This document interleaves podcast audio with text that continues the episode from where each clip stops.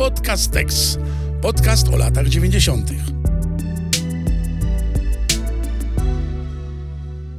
Bartek, y, powiedz mi taką rzecz, czy ty miałeś w roku 1998 jakąś taką osobę, mm, z którą mogłeś porozmawiać spokojnie o, mm, wiesz, no, o tych sprawach? Oczywiście.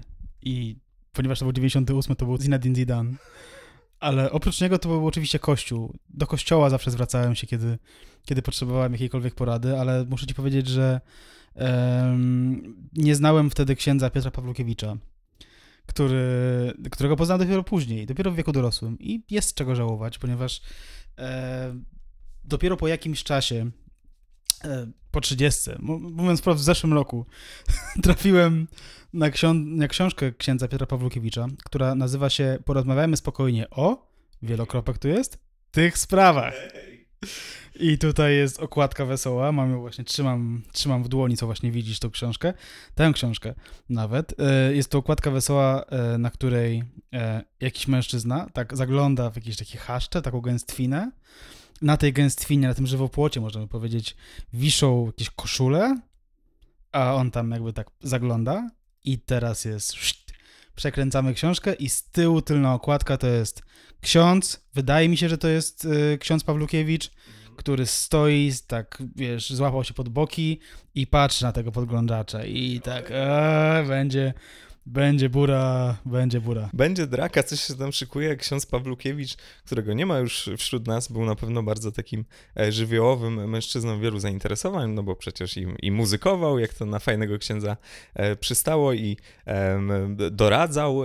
I właściwie książka, którą znalazłeś i która jest właśnie takim zapomnianym klejnotem, który mógł sprawić, że wszystkie jakieś takie sprawy damsko-męskie zupełnie inaczej by się potoczyły w twoim życiu i na pewno byłoby to zdrowsze, bo generalnie kategoria tego, co jest dobre, co jest niedobre, a co jest zdrowe, a co jest niezdrowe, e, jest u księdza Pawlukiewicza e, bardzo mocno obecna. Tutaj właśnie wynikiem tych różnych porad, e, ja sobie go wyobrażam jako takiego mędrca, który jednak po, po bazarze się przemierza te wszystkie alejki i ludzie mają jakiś problem, on postoi, on się namyśli, on wysłucha, on przytuli i e, na pewno uświadomi ci, że wszystko robisz źle i ksiądz Pawlukiewicz napisał taką książkę, której tytuł już tutaj podałeś i ona zdecydowanie dotyczy seksiku, więc to jest pierwszy seksik taki naprawdę, jeżeli chodzi o podcast, podcastex.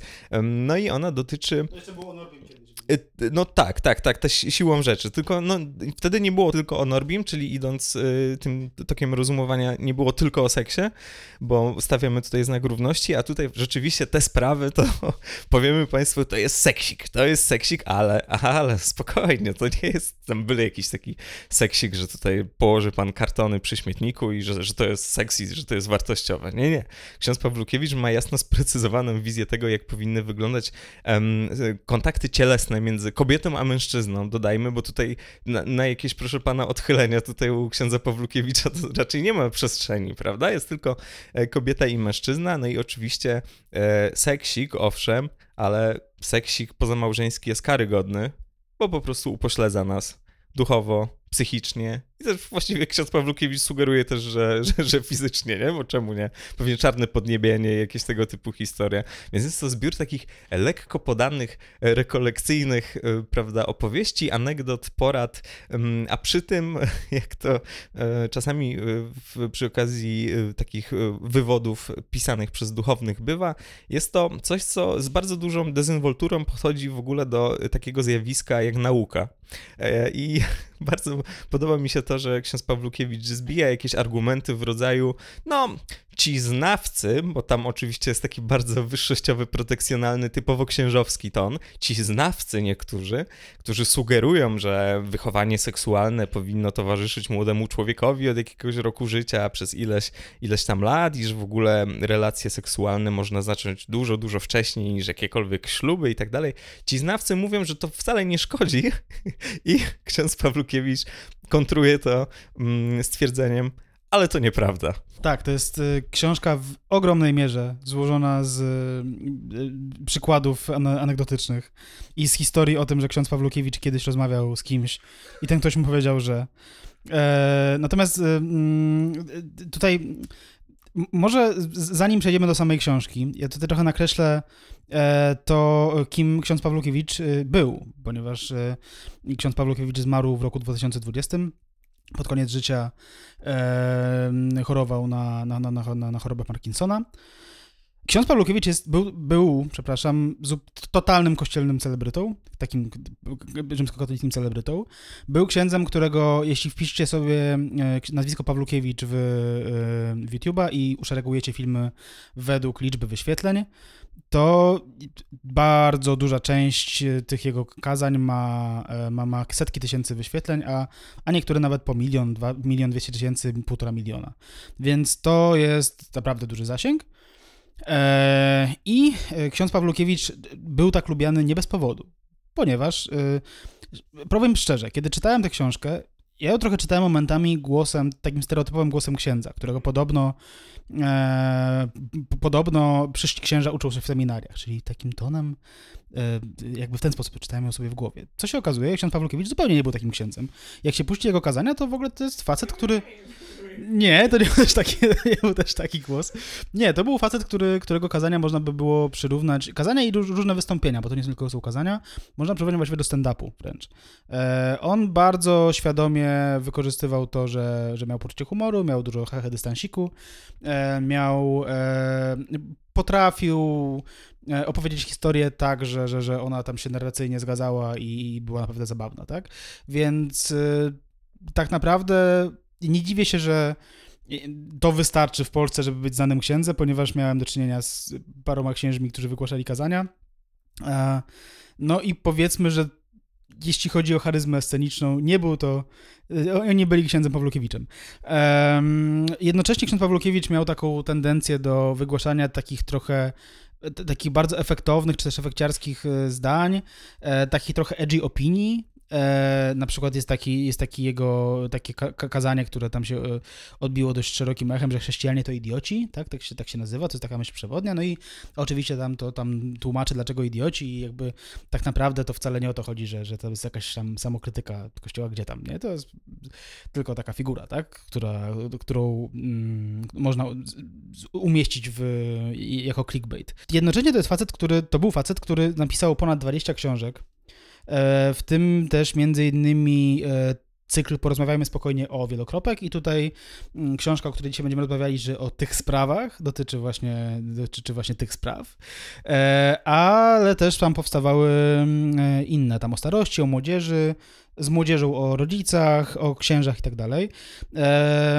Pod koniec życia, w ostatnich latach pisał książki, które w zasadzie można, jeśli, jeśli jak się przeczyta tytuł i, i opis na stronie wydawcy, to one są wręcz takie trochę coachingowe. To jest trochę metoda, którą przyjęli protestanci w Stanach Zjednoczonych, którzy bardzo często pastorzy protestancy amerykańscy no, łączą te zdobycze powiedzmy e, e, coachów różnorakich i mówców motywacyjnych z, z, z, z na- narracjami chrześcijańskimi. To się wspaniale sprawdza.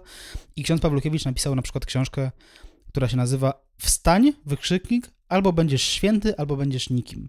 I no i tutaj opis leci tak. Myślisz, że bycie świętym nie jest trendy, bo świętość to przecież jedynie nudne i klepanie w kółko różańców? Bu, bu, bu. Ksiądz Pawlukiewicz mówi o radzeniu sobie z kryzysami, powstawaniu upadków i słabości y, na twojej drodze do świętości. Wstań i wyrusz razem z nim, bądź radykalny. Chcieli być święty, żyli na 100%. No to jest y, coach Mike. Tak, jeśli chodzi o, o, o język i, e, i o sformułowania. E, napisał też inną książkę o seksie, która się nazywała Seks, poezja czy rzemiosło. Nie jestem pewien, ale to jest chyba e, książka, w której, e, która była zbiorem jego, jego kazań e, w temacie. No jak wspomniałeś, też kiedyś grał, e, grał na tam, zespole jakimś i tak dalej, a w 2020 roku pośmiertnie został uhonorowany Krzyżem Oficerskim e, Orderu Odrodzenia Polski. Tutaj cytuję, za wybitne osiągnięcia w pracy duszpasterskiej i działalności społecznej. I ta książka, o której będziemy dzisiaj rozmawiali, jest jednym z absolutnie wybitnych osiągnięć księdza Pawlukiewicza e, w kwestii e, działalności społecznej, prawda? Ja tutaj może, zanim przejdziemy do samej książki, zaraz zanim oddam Ci mikrofon, przeczytam jeden taki krótki, jeden z moich ulubionych fragmentów, żeby tutaj tak e, od razu e, powiedzieć, w jakim tonie jest napisana książka. To jest taki cytat ze strony 26. Słyszałem kiedyś, że w czasach wiktoriańskich w Anglii całe wychowanie seksualne ograniczało się do tego, że matka mówiła córce przed jej nocą poślubną: zamknij oczy i myśl o Anglii. I jakoś kobiety rodziły po czworo, pięcioro czy nawet więcej dzieci i było zdecydowanie mniej rozwodów niż dzisiaj. Warto o tym pomyśleć. Warto o tym pomyśleć, Mateusz. Tak, właśnie ja o tym myślę y, dosyć regularnie czego nie można powiedzieć o, o, o, księdzu Pawlukiewiczu, przynajmniej w momencie pisania tej książki, bo może przyszła potem jakaś, e, jakaś refleksja, bo mm, ten przy, przytoczony przez ciebie cytat, jakkolwiek może zabawny dla kogoś, jest w gruncie rzeczy bardzo brutalny i odpychający i, i, i niebezpieczny, bo też trzeba dodać, że mm, tutaj ksiądz Pawlukiewicz generalnie stawia przed człowiekiem rozmaite zadania, wyzwania związane z seksualnością, ale jednak wyników generalnie i działania realnego y, oczekuję przede wszystkim od kobiet. To, to zdecydowanie jest coś, co tutaj w tej książce jest bardzo, bardzo mocno widoczne. Jest taki jeszcze inny wstrząsający fragment, o którym y, mówiliśmy przed odpaleniem mikrofonu, mianowicie ksiądz Pawlukiewicz, który właśnie tutaj bardzo chętnie wspomina o rozmaitych spotkaniach, że pewna młoda dziewczyna albo pewna starsza pani, to tam akurat była to pewna atrakcyjna dziewczyna z filmową urodą, jak sam to ujął, za którą generalnie ganiały chłopy, tak? Można powiedzieć w skrócie i ta dziewczyna miała już w pewnym momencie tego adorowania dość i mm, poradziła się, jakoś tak podpytała księdza, że co, co, co ja mam zrobić? Przecież ja, ja, tutaj też ważny wątek dotyczący dzisiejszego dyskursu, ona mówi o tym przecież, że ona się nie, nie, nie ubiera w jakiś sposób tam wyzywający, że jakieś tam e, rozmaite, e, proszę pana, obcasy i nie tylko. No i cóż, no ksiądz z Sokratejskim tutaj oczywiście spokojem i z mądrością zmierzył Beatę, bo tak się ta dziewczyna nazywała i odpowiedział jej, wiesz co Beata? Powiedziałem, nie gniewaj się, ale gdy tak na ciebie patrzę, to nie widzę w tobie nic z wyglądu matki. Więc generalnie, jeżeli macie panie w swojej fizjonomii coś matczynego, to jest w porządku, a jeżeli nie macie, e, to jesteście wyzywające, a jest, jeżeli jesteście wyzywające, no to jesteście już najgorsze absolutnie, bo ksiądz Pawlukiewicz tego nie widzi. Uwaga, nie działa z córką Saszy Grey. No i skoro wywołałeś taki wątek, to chciałem porozmawiać o setach DJ-skich granych na Unsoundzie, e, bo przypomnę, że Sasha Grey ma rozmaite umiejętności zainteresowania, e, ale nie, tak serio, to akurat tutaj wątek pornograficzny też się pojawia, nie zawsze przywoływany wprost, ale warto zauważyć, że ta książka jest, zaskoczenie, zaskoczenie, pisana bardzo mocno pod określoną tezę.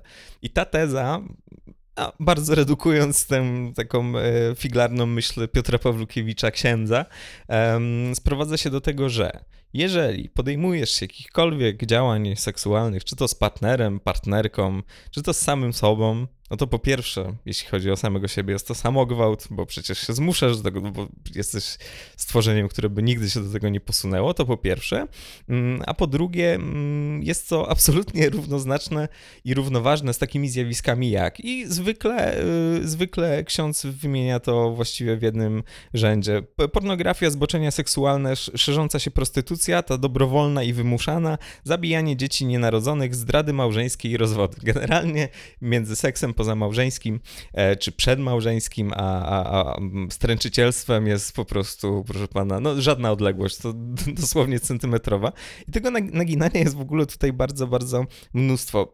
Wydaje mi się, że raz raz jedyny w tej książce Piotr Pawlukiewicz, e, ksiądz, e, przywołuje dokładne badania, chociaż e, jeżeli chodzi o ich źródło, to są to po prostu naukowcy z USA, czyli najbardziej zapracowana grupa badawcza w historii Ziemi. Tak, to Wojciech Cejrowski tak, też, też analizuje badania tej grupy w, w czasopiśmie Science i, i też często się na nie powołuje. Jest tutaj, mm, są tutaj statystyki dotyczące mm, edukacji seksualnej w USA i tego, że w, w, trakcie jakby tego całego procesu edukacji seksualnej nastąpił wzrost aborcji o 800%, e, rozwodów o 133%, chorób wenerycznych o 255% i tak dalej, i tak dalej. Oczywiście ksiądz nie bierze żadnych innych czynników, e, powiedzmy, nie wiem, ekonomicznych, klasowych związanych z tym wszystkim. Nie, generalnie jest to dla niego równoznaczne, że jeżeli się rozmawia z młodzieżą o, mm, o ciele, o seksie, no to z tego, proszę pana, same nieszczęścia, mm, nieszczęścia przychodzą. I też na początku tej książki jest jedna rzecz, która mnie e, bardzo mocno mm, zafrapowała, mianowicie ksiądz Piotr Pawlukiewicz wspomina swoje wizyty w kinie z młodzieżą, być może na przykład jako opiekun, e, jeżeli szkoła wychodziła w trakcie lekcji i ksiądz był po prostu jedną z osób, która, która prowadzi te dzieciaki do kina. I chodziło o momenty nieco erotyczne w filmach, ale mógł to być po prostu pocałunek. Mm, I tutaj chodzi o młodzieńców, czy dzieciaki ze szkoły. Młodzieńcy ci, których słychać było w całej sali kinowej przez cały czas projekcji, ożywiali się zdecydowanie na widok jakiejkolwiek miłosnej sceny na ekranie. Przy tak zwanych momentach, w cudzysłowie, nawet tych najbardziej niewinnych, krzyczeli, jęczeli i wyli, dawaj ją, przeleć ją, dobierzcie za nią. To, to starsza młodzież, to już takim, wiesz, drugoroczna. Podaję tu cytaty najbardziej cenzuralne, pisze y, autor. Myślę, myślałem sobie wtedy, gdzie jest ich spokój, bezstresowość i wyluzowanie, bo generalnie chodzi o to, że to, to chce, ta, które zresztą zostaje tu raz przywołane dosłownie, ma rzekomo wedle naukowców rozładować pewne napięcia i raczej być zdrowe, a ksiądz zastanawia się nad tym, no to jakby znowu w skrócie, no to z jednej strony walą konia, z drugiej strony krzyczą jakieś brzydkie rzeczy do kubitek. Jak to jest możliwe? Nie, nie, księdzu się to absolutnie nie mieści w głowie, że dzieciaki w pewnym wieku mają też rozmaite e, procesy hormonalne, które zachodzą w ich ciele, że mają też pewne modele, wzorce e, wyniesione z domu dotyczące tego, jak się zwracać do kobiet, jak mówić o seksie. Generalnie też nastolatkowie są trochę zawstydzeni tematem seksu, dlatego żartują o seksie na podwórku też, żeby Mm, wzmocnić swoją pozycję w środowisku koleżeńskim. No więc generalnie bardzo y, imponujące jest to, w jaki sposób ksiądz przez całą tę niedługą książkę, ale jakże treściwą, przykrawa wszelkie, absolutnie wszelkie zjawiska, e, jakie zanotował do, do obranego celu na początku. Tak, przy czym znaczy, cały początek książki dotyczy edukacji seksualnej yy, i tego, że w zasadzie nawet no, nie stawia tezy, że jest niepotrzebna. Znaczy, to jest taki problem, który Kościół katolicki w Polsce ma z edukacją seksualną od kiedy pamiętam, tak? W sensie, że z jednej strony Kościół katolicki twierdzi, że jest ona absolutnie niepotrzebna i to są rzeczy, które powinno się załatwiać w domu, z drugiej strony Kościół katolicki dostrzega problemy związane z, z, z nie wiem, z dostępem do pornografii, który otworzył się w 1989 roku bardzo mocno, a ten, ten rynek, a, a, a w ogóle wraz z rozwojem internetu już w ogóle eksplodował zupełnie i trochę nie wiadomo, co z tym zrobić, tak? E, z jednej strony tutaj e, ksiądz Pawlukiewicz mówi, że pisze, że, że, że nie, e, że, że to są kwestie, które, które, mm, których szkoła nie powinna załatwiać, a, ale też podaje tutaj pewne, pewne rozwiązanie te, te, tego problemu i tutaj pisze tak. Jak wspomniałem, na pewno nie wrócą już czasy powszechnej wiary w bociana i w kapustę. Szkoda, nie? Proszę księdza. O sprawach płciowych, płciowości, przepraszam, trzeba mówić. Pozostaje pytanie, jak? Czy, a, i to jest, przepraszam, jeszcze tylko wtrącę. E, ksiądz Pawlukiewicz, e, gigantyczna część tej książki, jakby nie wiem, jaki procent zdań w tej książce to są pytania retoryczne. E, I to jest pewna metoda księdza Pawlukiewicza na to, żeby tutaj być może, żeby czytelnik sam sobie próbował odpowiedzieć na pewne pytania. E, pozostaje pytanie jak, w sensie jak mówić w sprawach płciowości. Czy już od samego dzieciństwa? Może rzeczywiście mówić od razu prawdę, choć nie wychodzić poza wiadomości o brzuszku i przytulaniu się? Czy bowiem wykład podstawowych wiadomości z anatomii kobiety i mężczyzny potrzebny jest siedmiolatkom? Na pewno młodzieży nastoletniej trzeba powiedzieć już wszystko, ale czy koniecznie trzeba to powiedzieć, yy, ale czy koniecznie trzeba to pokazywać, na przykład pozycję czy przy współżyciu seksualnym, a zwłaszcza zachęcać uczniów i uczennic do aktywności na tym polu? Czy trzeba e, o tym mówić tak dużo? Czy wreszcie oprócz wiedzy jako takiej nie trzeba wprowadzić w tę dziedzinę tego, co nazywamy formacją? I tu jest jeszcze mnóstwo takich pytań, które, które lecą. To, co tutaj próbuje ksiądz Pawlukiewicz e, zrobić, to jest dokładnie to samo, co wspomniany Wojciech Cejrowski e, uprawiał w WC Kwadransie przez, przez, przez dwa lata, tak? Czyli jakaś taka, po pierwsze, demonizowanie samej edukacji seksualnej jako czegoś, co co, co, co absolutnie zdemoralizuje dzieci. Po drugie, e, edukacja seksualna w tej narracji jest czymś, co uczy pozycji, co jakby, nie wiem, tam przyjdą jacyś ludzie, cholera wie skąd i proszę pana, na tutaj mnie córką będą, córce będą pokazywać, jak prezerwatywę założyć na banana. Przyjdą gimnastycy, którzy będą pokazywać pozycję, wiesz, takie najbardziej wydziwiaste. Człowiek, wąż y, jest dzisiaj na trzeciej lekcji. No przecież yy, wydaje mi się, że w ostatnich latach słyszałem narracje dotyczące tego, że dzie- młodzieży pokazuje się tam jakieś pornograficzne treści w ogóle podczas wychowania seksualnego. No, jak trwała 2 czy 3 lata temu ta duża inba wokół wychowania seksualnego, kolejna zresztą w latach 90. te inby wybuchały co chwila, tak? E, no to no, te narracje były co, co, coraz straszniejsze, nie?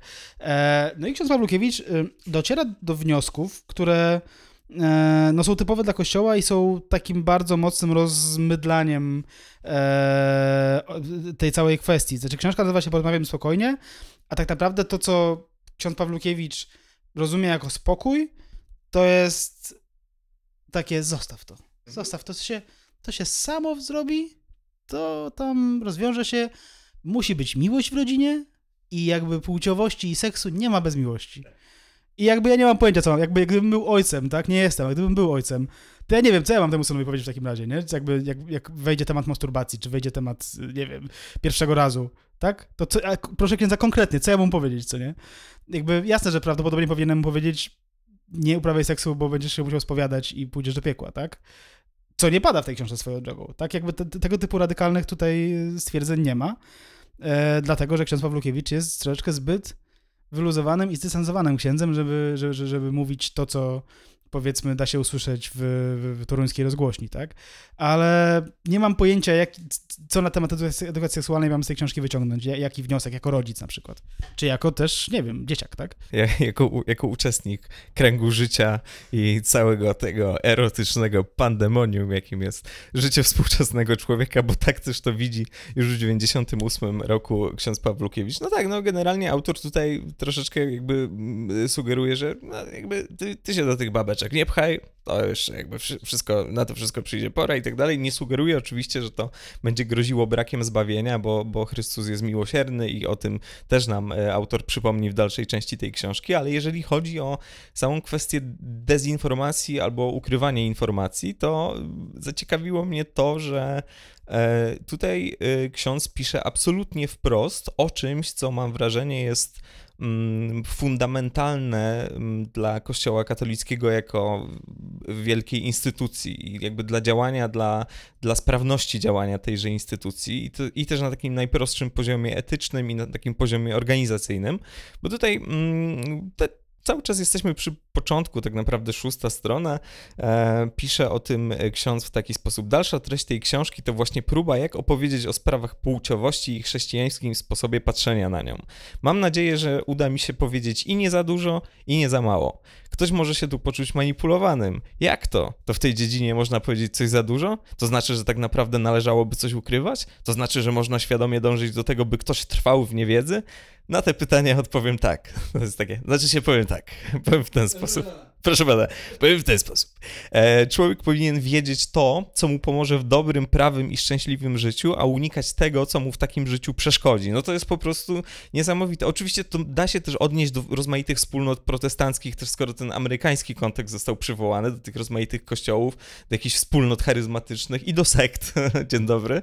E, w końcu jesteśmy w tym punkcie, ale tutaj tak naprawdę powiedziane jest to wprost i, i, i skoro wspominałeś o tych imbach, które wybuchały i które wybuchają wciąż, to zatrważające jest dla mnie to, jak wiele argumentów się tutaj e, powtarza dziś, e, jak bardzo pewien język się nie zdezaktualizował, no bo właśnie, no kurczę, no ja, ja nie, nie siedzę jakoś wybitnie w temacie seksuologii, edukacji seksualnej i tak dalej, ale no nie słyszałem żadnego edukatora czy edukatorki, która by mówiła, że tak, jakby najzdrowsze dla młodego człowieka, który chce się dowiedzieć czegoś o, o, o seksie i chce po prostu się przygotować jakoś do tego, jest oglądanie pornografii. No i jakby no, nie, nie słyszałem niczego takiego. Nie słyszałem też o lekcjach wychowania seksualnego, na których puszcza się Pornhuba. Nie słyszałem też o, nie wiem, modelach takich jak do resuscytacji na PO, tylko że, wiesz, powykrzywianych w rozmaite seksualne pozycje. Ale tutaj generalnie, tak jak dzisiaj się pojawia to wszystko i takie argumenty, że hola, hola, będą nasze dzieci u, u, u, uczyć walić kapucyna na lekcji, co, co, co to jest, nie? To jakby w delikatny oczywiście, no bo znowu Piotr Pawlukiewicz e, fajnym księdzem jest i delikatną osobą, ale to jest ten sam argument, nie? To jest jakby edukacja seksualna może być albo naukami przedmałżeńskimi, które są gdzieś tam e, przeprowadzane w zakrystii tudzież na plebanii, albo musi być szkołą walenia gruchy i e, jakimś takim pornograficznym kinkiem dla całej klasy i jakby nie ma żadnej innej opcji. Ma- Mateusz, przepraszam, bo ja tutaj tak przerywam y, twój wywód, ale ja tutaj znalazłem konkretne zdanie z pierwszego rozdziału, ze strony 24. Boża instrukcja obsługi płciowości zawiera w zasadzie jeden punkt. A? Teraz uważaj. Mówi nam to, że płciowość służy człowiekowi w realizacji powołania do życia w miłości. Czy już rozwiałem twoje wątpliwości, czy, czy ty już wiesz wszystko, przepraszam, czy, czy nie? Tak, tak, tak, tak. No ja skończyłem, więc jakby nie, nie, jakby nie musisz mi oddawać mikrofonu, bo ja tam stawiałem kropkę, ale zdecydowanie tak, to jest bardzo, bardzo ważna myśl. No jakby absolutnie nie bierzcie pod uwagę tego, że coś innego niż prokreacja, która e, doprowadzi do tego, że no, na świat przyjdzie kolejne stworzenie Boże, że tutaj cokolwiek innego jest wliczone w tę całą grę. To albo, albo dla miłości, by miłość produkować właściwie, albo ręce na kołdrę. Tutaj jeszcze, ym, ponieważ ksiądz Pawlukiewicz, jak powiedzieliśmy wcześniej, ma wielkie zamiłowanie do, do, do, do przypowieści, do anegdot związanych z tym, że ktoś mu kiedyś coś powiedział, to to jest też taka e, historia jeszcze z wcześniejszej części książki, ale już z tego rozdziału dotyczącego edukacji seksualnej, dotyczący tego, że w zasadzie seksem jakby nie da się nie interesować, seksem trzeba się interesować, no bo, no bo nie ma innej, innej możliwości. Mogłoby się komuś wydawać, że problemy z tymi sprawami mają ludzie gdzieś od wieku szkolnego, ale gdy widzę całujących się dwu i trzylatków, kiedy słyszę, jakie to sympatie potrafią zrodzić się w przedszkolu, to rozumiem, że poza wiekiem niemowlęcym chyba każdy wie, że jest chłopcem lub dziewczynką, mężczyzną lub kobietą i że ta druga płeć ma w sobie coś poci- pociągającego. Ale jeśli ktoś twierdziłby uparcie, że sprawy damsko-męskie wcale go nie interesują, świadczyłoby to jedynie o tym, że seks jest dla tego człowieka niemałym problemem, który próbuje rozpaczliwie ukryć. I teraz jest historia. Kiedyś na wakacyjnym obozie wynikła przy ognisku dyskusja o tych sprawach. Jedna z dziewczyn z nieźle odgrywaną obojętnością stwierdziła, że te problemy wcale jej nie interesują, a nawet praktycznie dla niej nie istnieją. Wtedy od jednego z chłopców usłyszała krótkie Kaśka, to ty się lecz. I było to chyba całkiem niegłupie stwierdzenie. Stwierdza na koniec akapitu Piotr Pawlukiewicz, e, pozdrawiając wszystkie osoby, które niespecjalnie interesując się seksem. E, no ale tak, to jest dużo takich, takich śmiałych założeń dotyczących tego, czym człowiek się interesuje, czym normalna osoba powinna się interesować, i czym i co normalny człowiek powinien robić ze swoim ciałem, ze swoim życiem e, i w swoim związku również. Dobra, Mateusz, czy, czy, czy ym, kończymy o pierwszym rozdziale i przechodzimy dalej do, do, do, do, do, do części kolejnych. E, tutaj jest ro, rozdział o walce z misiami, tak, czyli mi się chce, mi się nie chce, ale też jest rozdział trzeci, automatyka, a problem miłości. E, I tam już mniejsza z tym, co tutaj ksiądz Pawłowicz, znaczy dla mnie mniejsza z tym, co ksiądz Pawłowicz ma do powiedzenia na temat, na temat y, seksu, ale najbardziej mnie uderzyło e, to, co ksiądz Pawlukiewicz ma tutaj do powiedzenia na temat zwierząt. A ma bardzo wiele do powiedzenia i to jest tutaj też taki przypis mały. Przed nagraniem słuchałem jednego z takich bardziej popularnych kazań księdza Piotra Pawlukiewicza na YouTubie i ksiądz Pawlukiewicz tam mówił bardzo dużo o tym, że to w ogóle na samym początku kazania, że zwierzęta nie mają duszy, że zwie- zwierzęta, zwierzęta nie można kochać i że miłość do zwierzęcia to jest w ogóle coś niemożliwego i że zwierzę nie jest jakby nie jest zdolne do przeżywania głębokich uczuć, nie wiem, patriotycznych, czy, czy, czy tak głębokich uczuć, jakim jest, jaką może być miłość i tak, i tak dalej. I w książce 98 roku ksiądz Pawlukiewicz straszliwie się na ten temat w ogóle rozpisuje. Wszystko w kontekście tego, że, że, że nie, nie wszystko, co, co nam się wydaje, że jest miłością, jest tak naprawdę miłością. Tutaj może zacytuję dłuższy fragment, pozwolić, dobrze? To, o tym, że można się zakochać w nie w osobie, ale w automacie, świadczy zjawisko elektronicznego kwiatka. Otóż jedna z firm komputerowych wyprodukowała program polegający na hodowaniu kwiatka. Elektroniczną roślinkę trzeba też regularnie podlewać, przecinać jej listki, przesadzać do większej doniczki, a wszystko to robić terminowo i systematycznie. Gdy się o czymś zapomni, można swój kwiatek bezpowrotnie stracić. I ludzie to kupują, dosłownie i przenośni. Czy jemu chodzi o Tamagotchi? Przepraszam, teraz pomyślałem o tym. Przecież to jest jakby to samo, nie? 98 chyba już było, nie? E, bo dosłownie przenośni. Opiekują się swoimi kwiatkami i powoli zaciera się w nich poczucie tego, e, że to nie jest prawdziwy kwiatek, ale wirtualny. Słyszałem o przypadkach, że gdy ktoś wyjeżdżając na urlop, prosił sąsiada, by ten koniecznie zaopiekował się jego elektroniczną roślinką. Nie, to chyba nie jest Tamagotchi w takim razie, bo, bo jakby ten ktoś by wziął po prostu, też chyba, że po prostu ksiądz Pawlukiewicz trochę nie ogarnął. E, myślę, że jest to nieśmiały, ale istotny wstęp do produkcji robotów łudząco przypominających zwierzęta, a nawet ludzi. E, I tutaj przechodzi właśnie dalej. Dziś jeszcze nie byłoby możliwe skonstruowanie psa, który by biegał i skakał jak prawdziwy, ale na przykład taki skromny eksperyment z robotem, któremu zachodziłyby wilgocią oczy, gdy się na niego krzyknie, nie stanowiłby chyba najmniejszego problemu dla współczesnej inżynierii. I też można by się łatwo do, nabrać, że ten robot jest wrażliwy, bo płacze, gdy się na niego krzyczy. I tak zachowuje się pies na widok swojego pana. Cieszy się, gdy widzi uśmiechniętego właściciela. Odbiera bodziec wzrokowy i na niego reaguje. Tak samo reaguje, gdy słyszy wypowiadane pieszczotliwie swoje imię i tak dalej. E, to się w ogóle ciągnie przez strasznie, tam chyba sześć stron w ogóle, mm, w ogóle o tym pisze i kończy, puentuje ksiądz Parłowicz tak. W zasadzie powyższe myśli nie wiążą się bezpośrednio z tematem książki, ale podzieliłem się nimi, ponieważ e, tak wielu ludzi myli przywiązanie do zwierzęcia z miłością. Dlaczego ta postawa staje się ostatnio tak powszechna? Bo dla wielu ludzi sympatia do zwierzęcia jest po prostu czymś, zastępczym wobec miłości, do której e, powołany jest człowiek. Owszem, zgadzam się, że posiadanie w domu psa wiąże się z obowiązkami, wydatkami, niemałym nakładem sił, ale jest to zupełnie nieporównywalne, trudne, z, e, nieporównywalne z trudem miłości do drugiego człowieka. E, bu, bu, bu. Krótko mówiąc, pies czy kot w domu jest o wiele wygodniejszy niż człowiek. Psa można zamknąć w łazience, męża raczej nie. Przy psie można mówić o wszystkim, przy dziecku niekiedy nie. Pies, mówiąc krótko, nie czepia się y, może z wyjątkiem chwil, kiedy chce wyjść na spacer. Y, ja bym tylko chciał, jakby nie wchodząc już może tutaj w, w, głębiej w ten, w ten fragment, proszę księdza, czuję się urażony tym, tym fragmentem o zwierzętach. E, nie wiem, czy ksiądz miał kiedykolwiek jakieś zwierzę, ale mm, chyba nie. E, więc tak, więc tutaj e, ksiądz Pawlukiewicz wszedł w taki zlew świadomości dotyczący, dotyczący zwierząt, zwierzaków domowych i ten zlew świadomości trwa jakieś 6 stron w ogóle, tak, więc, więc tutaj jest grubo, ale też w tym rozdziale jest taka piękna myśl, która, na którą zwróciłem uwagę, dotyczącą no, pewnej takiej różnic jakby też klasowych, i jeśli chodzi o mm, mówienie rzeczy do kobiet, tak. A, wiem co to mhm. Budka z piwem. Mhm. Czy wyobrażacie sobie, że oto z budynku uniwersyteckiego, teraz słuchaj to, czy sobie wyobrażasz, że z budynku uniwersyteckiego wychodzi starszy pan profesor. Jest ubrany w nieskazitelny płaszcz, w jednym ręku trzyma skórzaną teczkę, a w drugiej parasol. Nagle widząc na ulicy śliczną studentkę, mówi do niej: Ej, lalucha, może byśmy tak trochę pobaraszkowali.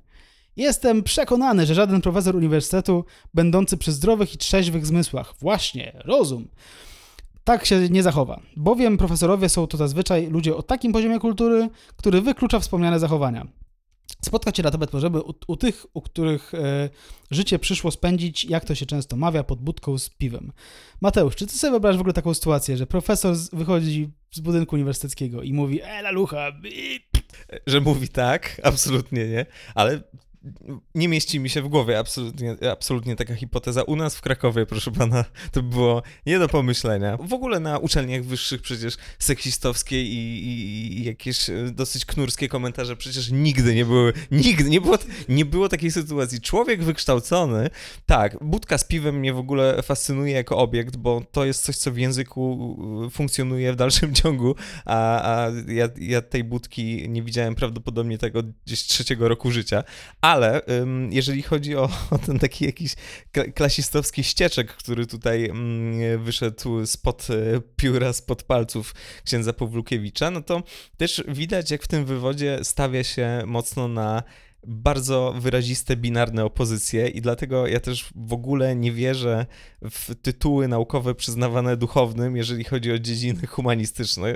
Ksiądz Pawlukiewicz jest doktorem teologii, e, jak możecie się zresztą domyślać, natomiast jeżeli chodzi o, o, o human, a nie o nauki ścisłe, to odrzucam to absolutnie, bo to wszystko jest bardzo, bardzo, bardzo mocno naciągnięte. No i mamy oczywiście tak, mamy yy, prawo wyłączonego środka, czyli panowie, którzy są e, pijani w ciągu dnia i jakiś, proszę pana, elegancki profesor, bo też każda osoba z tego typu tytułem jest po prostu pełna szyku i gracji, jak wiedzą wszyscy, którzy kiedykolwiek studiowali gdziekolwiek. No ale tutaj tych takich mocnych, jakichś bardzo jednoznacznych opozycji jest więcej, prawda? Bo kiedy jest mowa o tym, czym jest prawdziwa miłość i prawdziwe małżeństwo, no to e, oczywiście żona wytrzymuje te dwie godziny meczu, tam łącznie z przerwą e, futbolowego, mimo że wcale się nie interesuje piłką, a z kolei mąż znosi jakoś te dwie godziny gadania o, o, o acze i tak dalej, i tak dalej. Więc generalnie, jeśli chodzi o kobiety, To też wspaniały zapis na Intisów swoją drogą, że te wszystkie marki, które tam jest, też perfumy są, e, czekaj... E, Gabriela Sabatini. E, pojawia się też Polena 2000, także jeżeli chodzi o. Jeżeli, kocha, jeżeli kochaliście drogerię w latach 90. i zapach proszku do prania, trzymając się maminej spódnicy, to to zdecydowanie odsyła was do tamtego czasu. No i tak, poza tym, że jest znak równości między edukacją seksualną a pornografią, to jest też mm, znak równości między seksem przedmałżeńskim a absolutnym zbrukaniem naturalnie. Generalnie Pawlukiewicz mówi dużo o tym, że jeżeli e, przespaliśmy się chociaż raz ze swoją przyszłą żoną, tudzież mężem przed ślubem, no to zdecydowanie mm, ta woda już została skażona. Jeżeli się krople atramentu, proszę pana, do tego morza wciśnie, no to to już nie będzie idealna przejrzystość, poza tym, że w tych czasach w ogóle morze nie jest przejrzyste, ale generalnie wiemy, o co tutaj e, księdzu mm, z tym wszystkim chodzi.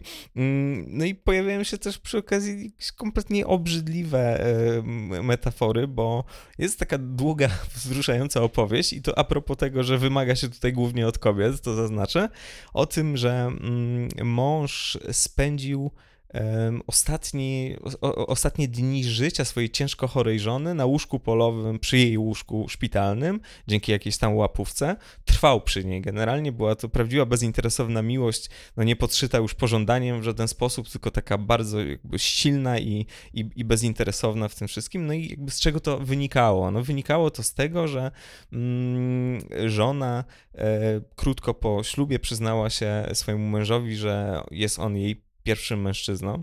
Więc podarowała mu coś najcenniejszego, czyli swoje dziewictwo, oczywiście i mężczyzna stał się w ten sposób właścicielem e, tej żony, bo generalnie do tego, się, do, do tego typu stosunków się to wszystko sprowadza. No i cóż, no jest to absolutnie tutaj najpiękniejsze i ta żona to powiedziała wtedy po ślubie i powiedziała, że powtórzy to momencie śmierci, na łożu śmierci, tak, że to będzie absolutnie, e, absolutnie to. Mąż nie był, e, nie był prawiczkiem w momencie zaślubin, przyznaje księdzu, że miał jakieś doświadczenia z kobietami, ale przez to, że żona oddała mu to ten swój najcenniejszy kwiat, on nigdy jej nie zdradził i też pozostał wierny aż do śmierci tejże kobiecie. A kim jest osoba, mm, która, oczywiście w domyśle, kim jest kobieta, która przed ślubem e, miała kontakty seksualne i partnerów seksualnych i nie jest już dziewicą? Otóż tego typu osoby są porównane tutaj do używanego samochodu. E, więc jak to bardzo często bywa w przypadku duchownych, mamy tutaj do czynienia e, po pierwsze z nieznajomością takiego gatunku zwierząt jak, jak psy, bo to rzeczywiście te ustępy o zwierzętach e, na coś wskazują i mamy do czynienia z jakąś kompletną seksualną fiksacją, bo e, bagatelizując sprawy wychowania seksualnego i argumentując na ten temat, tak naprawdę ksiądz podnosi e, kwestię fizycznego kontaktu między kobietą a mężczyzną do miana czegoś absolutnie fundamentalnego, jedynego i czegoś determinującego w ogóle twoje stosunki. Tutaj wprost mówi się o tym, że jeżeli się spało przed ślubem ze sobą, to ta miłość nie będzie pełna, nie będzie e, wartościowa. No więc przy okazji trochę motoryzacji, przy okazji troszeczkę e, produktów chemicznych, środków czyszczących mm, i naturalnie slut shaming, bo w sumie te wątki związane z wspomnianą wcześniej Beatą, która no przecież nawet no, akurat nie, nie ubierała się wyzywająco, ale w innych momentach jest mowa o tym, że no nie można budzić tych niezdrowych odruchów u, u, u mężczyzn. Tego typu e, rzeczy jest, e, jest sporo. I jeszcze w tym samym chyba rozdziale, o ile się nie mylę, w rozdziale czwartym, e, czyli szczęście, pisane zwyczajnie, czy też szczęście, pisane wielkimi literami, e, jest jeszcze inna e, interesująca sprawa, bo Zauważmy tutaj, że mm, autor y, do, doszukuje się, dopatruje się ogólnoświatowego biznesowego spisku związanego z tym, że w ogóle ktoś raczy naszym e, dzieciom, naszym e, milusińskim mówić cokolwiek o seksie. To, jest, to, to, to nie wynika z postępu, mm, z e, chęci uzdrawiania społeczeństwa w jakikolwiek sposób, tylko to wynika oczywiście z biznesu i tutaj jest... sama narracja relacja co dzisiaj Netflixem.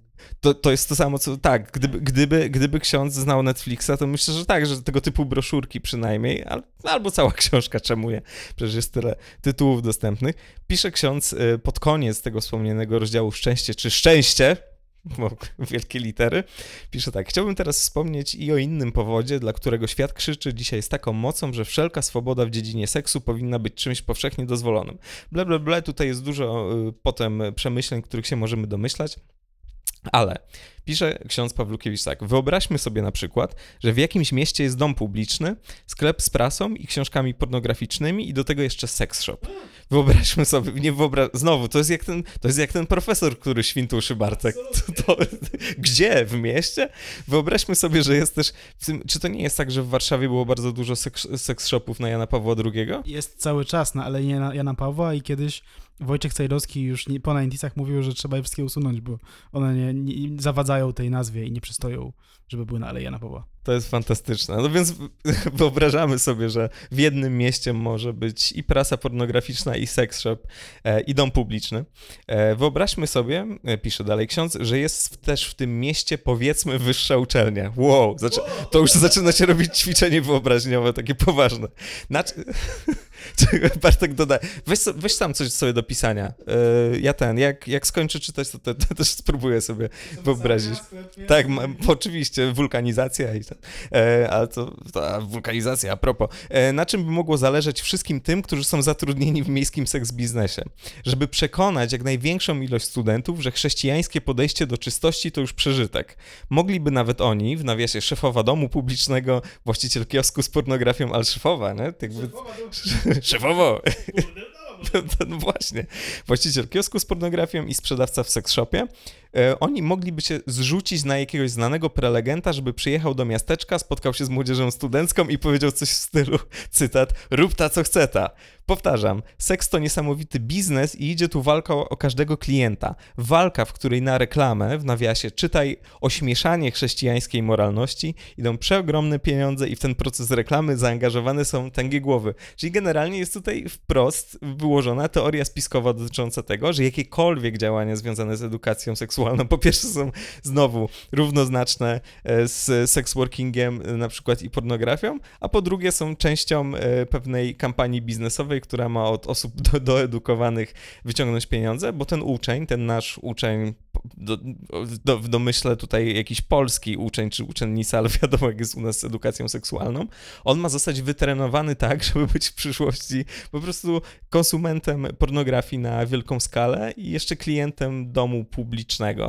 Tak, czyli mm, też szczerze mówiąc przeceniał chyba możliwości finansowe Polaków y, w tamtym momencie i przy... studentów i w przyszłości, no ale no, generalnie jest tutaj taka mocna baza. Tak, przy czym w tym samym rozdziale, na początku tego rozdziału, ksiądz Pawlukiewicz podaje też przykłady pozytywne yy, i odnosi się do wstrzemięźliwości seksualnej. I pisze tak. Byłem kiedyś na spotkaniu z pewną panią seksuolog, która powiedziała mniej więcej tak. Aby człowiek mógł się normalnie rozwijać, to powinien pracować, wypoczywać, żyć w rodzinie i prowadzić życie seksualne. Jeśli w życiu jakiegoś człowieka zabraknie choćby jednego z tych elementów, to nie będzie można mówić o jego pełnym człowieczeństwie. Swoją drogą nie wiem, w sensie, czy spotkał panią seksuolog, która tak powiedziała, bo brzmi jak jeden z 1400 chochołów, które ksiądz Pawlukiewicz tutaj, prawda, tworzy w tej książce, ale dobra, powiedzmy, że tak powiedziała. Otóż takie postawienie sprawy mija się z prawdą. Nie będę się na ten temat długo rozwodził, ale by wskazać absurd tego poglądu, wskażę tylko choćby na osoby Ojca Świętego czy Matka Teresy z Kalkuty. Obydwoje dla sprawy Królestwa Bożego wyrzekli się zakładania własnej rodziny, przeżyli swoje życie seksualnej, w seksualnej wstrzemięźliwości, Swoją drogą, czy my to wiemy? Jest pewnie osoba, która mogłaby powiedzieć coś na ten temat w przypadku jednej z tych postaci, ale jest duże ryzyko, że nie pamięta albo niczego takiego sobie nie przypomina. Ale to też pokazuje, jak autor tutaj stawia na bardzo mocne antynomie, bo możesz być albo ikoną katolicyzmu, świętym, potencjalnym i już po, prostu tak głową kościoła rzymskokatolickiego, albo jakimś, proszę pana, wycieruchem, który tam z dziewczyną, proszę pana, potapczanie się tarza. Tak, to się, w ogóle określenie pieści tutaj zawsze w, w wielu momentach, w których należałoby użyć innych określeń, ono się tutaj pojawia, ale jakieś, proszę pana, fikumiku w brudnej pościeli, albo, e, albo uzdrawianie chorych e, na tron. Także wybierz dobrze. Ale to mnie zainteresowało, bo w zasadzie my jakby, jak ja jestem, pochodzę z domu katolickiego, jakby ja nie wiem, czy my możemy tak z automatu zakładać, że jeśli ktoś jest duchownym, albo to, to, to przeżył swoje życie w seksualnej wstrzemięźliwości. No chyba nie, nie? W sensie, już, dobra, no jakby już pomijając seks, ale jeśli jakby ten samogwałt, o którym ksiądz Pawlukiewicz tyle pisze, to jakby nie byłbym taki pewien. No ale dobra, załóżmy, tak? Obydwaj dla sprawy Królestwa Bożego wyrzekli się zakładania własnej rodziny, przeżyli swoje życie e, w seksualnej wstrzemięźliwości, a chyba nikt przy zdrowych zmysłach nie zaprzeczy, że to jedna z największych postaci XX wieku. Mateusz, czy zaprzeczysz? Czy jesteś o zdrowych zmysłach? To jest pierwsze pytanie, a drugie, czy zaprzeczysz? No, e, samolot pasażerski, to wszystko oni, tak? Dobrze, ja dobrze czytałem. Ja czytałem e, parę razy takie różne. e, w magazynie Raj o tym mówili. E, na rocznicę startu e, Boeinga 7, coś tam 7, bo kompletnie się nie znam na awiacji. Natomiast bardzo mi się podoba to, że w zakończeniu. Jeżeli masz coś jeszcze, to oczywiście możemy tego, do tego wrócić, ale, ale bardzo mi imponuje to, że w zakończeniu ksiądz Pawlukiewicz kręci na siebie bicz, ale jest to bicz z piasku. On się bardzo szybko rozsypuje, bo po prostu autor zarzuca ten temat. Zaznacza w pierwszym akapicie zakończenia tak. W jednej z gorących dyskusji na temat spraw związanych z seksem e, i wolnością padł i taki argument, który wytoczyli zwolennicy wolnej miłości. Zwolennicy wolnej miłości to absolutnie tutaj nie jest jakieś woodstockowe pokolenie, tylko ludzie, którzy po prostu myślą inaczej niż ksiądz. Kond, kondoniarze, proszę pana, spermiorze, no okropni ludzie. E, Księ- I tutaj jest cytat. My, my, zwolennicy wolnej miłości myślą tak. Księża sami żon nie mają, to innym pragnęliby zabronić radości, jaką daje seks. Trzeba przy tym zaznaczyć, wraca ksiądz do swojej narracji, że przy wypowiadaniu słów w cudzysłowie sami żon nie mają, ich autor znacząco przymknął oko. Jakby wiesz, legit argument, nie? Dlaczego, dlaczego osoby, które teoretycznie żyją w celibacie i nie mają takich proszę pana, tradycyjnych rodzin, e, nie założyli takowych, e, będą nas e, edukować w tej sprawie. No i ciekawe, końcówka jest taka, że przychodzi do niego Krzysztof. Krzysztof był studentem, który też się oczywiście raził u księdza Pawlukiewicza w różnych sprawach, no bo kto nie. I Krzysztof jest świeżo po ślubie. No i jest jakaś tam taka rozmowa. Były oczywiście po drodze problemy. Zdaje się, że nie dotrzymali całkowitej czystości przedmałżeńskiej, ale na pewno się starali, a też pisze ksiądz o tym, że, że Chrystus doceni to, że ktoś próbuje, że przynajmniej próbowałeś, co jest krzepiące. I jest tutaj, tak, jest tutaj dialog z Krzysiem. E, Pyta ksiądz, no jak Krzysiu, jak Krzysiu, warto było powalczyć, warto było powalczyć aż do końca? I Krzysiu odpowiada e, rozentuzjazmowany, no jasne, sam ksiądz wie, odparł poprawiając się w fotelu. Ksiądz odpowiada, no właśnie nie wiem, to powiedz jak to się jest tym mężem, zapytałem szczerze. A, rzeczywiście, ksiądz nie wie, odparł, patrząc na mnie jakby z ledwo z odrobiną wyższości. Taką mam tutaj kopię, więc to jest prawdopodobnie bez sensu. I y, Krzysztof kończy tym, że ekstra, dodał krótko i popatrzył uśmiechnięty przez okno, więc to jest już sama końcówka tej książki. I w dwóch e, sytuacjach, w dwóch fragmentach tejże końcówki ksiądz Pawlukiewicz e, wyciąga ten koronny argument, ale akurat mimo, że sam zadaje bardzo dużo pytań, to nie dostaniemy odpowiedzi na to kluczowe pytanie, skąd ksiądz wie, jak to jest być mężem, tudzież wieloletnim partnerem w związku? Nie wiemy. Na pewno e, ksiądz Pawlukiewicz ma jakąś dosyć mocno e, zarysowaną i określoną wizję dotyczącą e, tego, jak się powinno postępować, a ta wizja się sprowadza do tego, że jakby albo all in, zróbmy tak jak ja chcę, jak ja piszę, mm, albo po prostu e, no, przygotujmy się na najgorsze, no bo to wszystko są rzeczy, które zwyczajnie człowieka duchowo, fizycznie, psychicznie mm, skrzywiają. A propos tego, co powiedziałeś wcześniej o, o, o oczekiwaniach wobec kobiet, których, e, których tutaj ksiądz Pawlukiewicz e, nie- jakby nie, nie, to, to nie są te same oczekiwania, które miałby w stosunku do mężczyzn. To się pojawia wielokrotnie w tej książce. Przy czym tutaj ktoś mógł powiedzieć nam, że no ale dobra, tam wzięliście sobie jakąś książkę z 98, jakiegoś księdza, tam, no dobra, takie bzdury tam są, były często wydawane, tak? No ale przecież w tym przykładzie dotyczącym używanego samochodu, to przecież kiedy to było? Rok temu, czy tam półtora roku temu, jak się pojawił ksiądz, ja tu mam za- zapisane, ksiądz Jakub Piątkowski, który jest w ogóle młodym księdzem i, i tam w zasadzie to jest ksiądz TikToker, można powiedzieć, i ksiądz tam Instagramowicz i tak dalej, nie? Był ten taki słynny jego filmik, w którym E, on mówił, że kobieta, która e, pozbędzie się dziewictwa przed ślubem, to jest, przyrównał ją do szklanki, z której piło wielu. To jest swoją drogą, bardzo lubię ten przykład, dlatego tam ten ksiądz pokazywał w tym filmiku, to jest szklanka, z której piło wielu. Kiedy ty miałeś ostatnio, Mateusz, w domu szklankę, z której piło wielu? Wydaje mi się, że jak masz szklankę, z której ktoś się napił, to po prostu myjesz ją i wsadzasz na suszarkę, nie? A... Wiesz, to, to jest prawdziwy duchowny, że ta cnota ubóstwa jest jakoś bardzo kultywowana. I po prostu nie ma tych naczyń e, aż tak dużo. No rzeczywiście tak, używane samochody, szklanki używane e, przez wielu.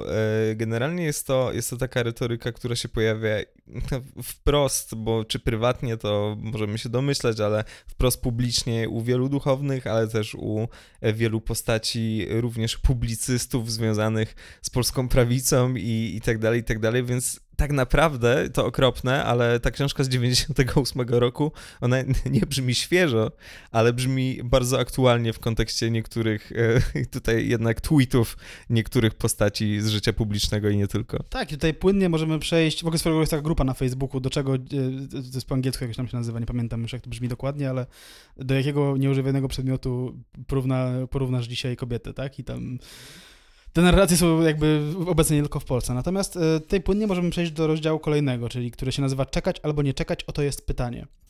Swoją drogą, ja muszę tutaj dodać, że książka jest dostępna w całości w internecie z jakiegoś powodu. W sensie, ja ją mam w fizy fizycznej formie, ale jest też w PDF-ie. A dowiedziałem się o niej dzięki Medroxy, która jest pracownicą seksualną z, e, i która kiedyś na, e, jakby czytała tę książkę na swoich Insta Stories i od razu zamówiłem ją sobie używaną z Allegro, więc, więc tak. I to jest taki fragment, e, to jest generalnie rozdział o, o, o rozterkach młodzieży dotyczącej tego, czy czekać, czy nie czekać z, z, z, z seksem z tymi sprawami, przepraszam. E, I tutaj oczywiście ksiądz Pawlukiewicz cytuje, prawda, e, częste rozterki, usuwać, nie usuwać, żenić się czy nie żenić. I dalej pisze tak. Gdy słyszę nieraz, jak młode matki narzekają na to, że ich dzieci są takie niespokojne, niezrównoważone emocjonalnie, to mam ochotę zapytać, a co pani zaoferowała swojemu dziecku w pierwszych tygodniach i miesiącach jego istnienia? Proszę pani. Proszę pani. My powinniśmy w ogóle tę książkę czytać tym, tym, tym gościem z 90 e, w tym pierwszym okresie tak bardzo ważnym dla jego rozwoju. To właśnie zbyt wczesne poczęcie dziecka spowodowało, że zamiast miłości i radosnego oczekiwania jego przyjścia na świat, nierozsądni rodzice fundowali mu w pierwszych tygodniach istnienia sporą dawkę stresu.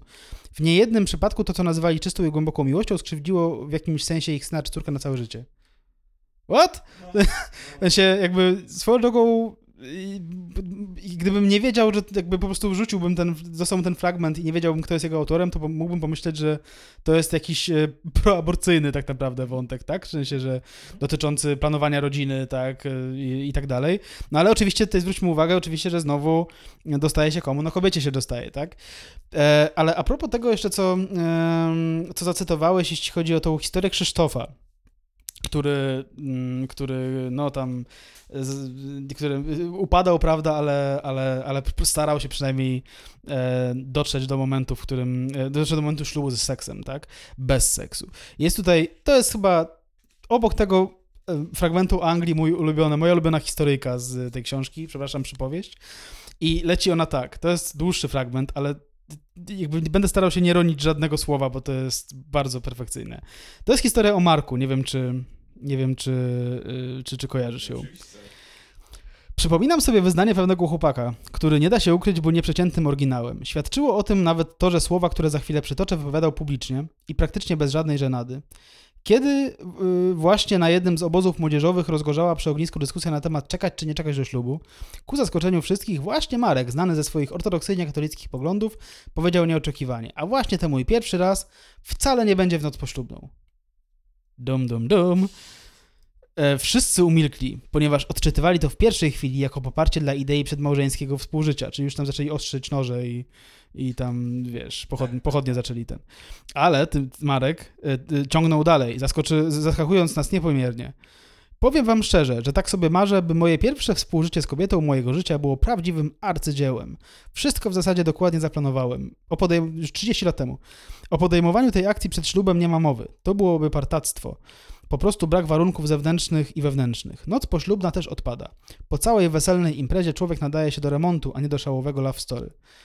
Czy to mówi 13-latek, tak? W sensie to jest to obóz młodzieżowy, tak? Jest, Coś mi zaczęło tam śmierdzieć w pewnym to jest tak, to jest w ogóle 7-latek to mówi na obozie młodzieżowym. E,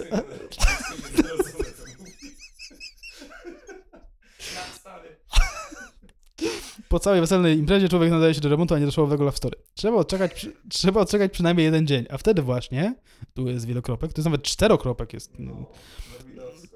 Najpierw e, pójdziemy do teatru, potem na bajerancką kolację do lepsiejszej knajpeczki. Tam nie za ostro pobolujemy. Naprawdę, to, to jest tak napisane, jakby to ja nie wymyślam. Tam nie za ostro pobolujemy, a potem w taksóweczką i do domu. A tutaj pełny luz, wyłączony telefon, przyciemnione światło, trochę szampana i muzyka. I wąchamy klej. nie, dobra, okleju, o- okleju to ode mnie, przepraszam. No i oczywiście szerokie łóżko z jedwabną pościelą. Gdy Marek snuł swoją opowieść o planowanym w przyszłości pierwszym razie ze swoją żoną, na twarzach pozostałych obozowiczów powoli zanikały ironiczne uśmieszki, a niektórzy chłopcy i kilka dziewcząt, jak widziałem, e, szeroko otwierali oczy i buzię. Najwyraźniej obrazowy styl opowieści przeniósł ich w ten przyszły wieczór i może dlatego poczuli się zawiedzeni, kiedy Marek w pewnym momencie uciął krótko. Ale więcej szczegółów nie będzie. Marek, nie bądź taki, przerywasz w najciekawszym momencie, zaoponowało prawie całe towarzystwo. To był dziwny wieczór w życiu Marka. I tu Marek mówi tak, nic z tego.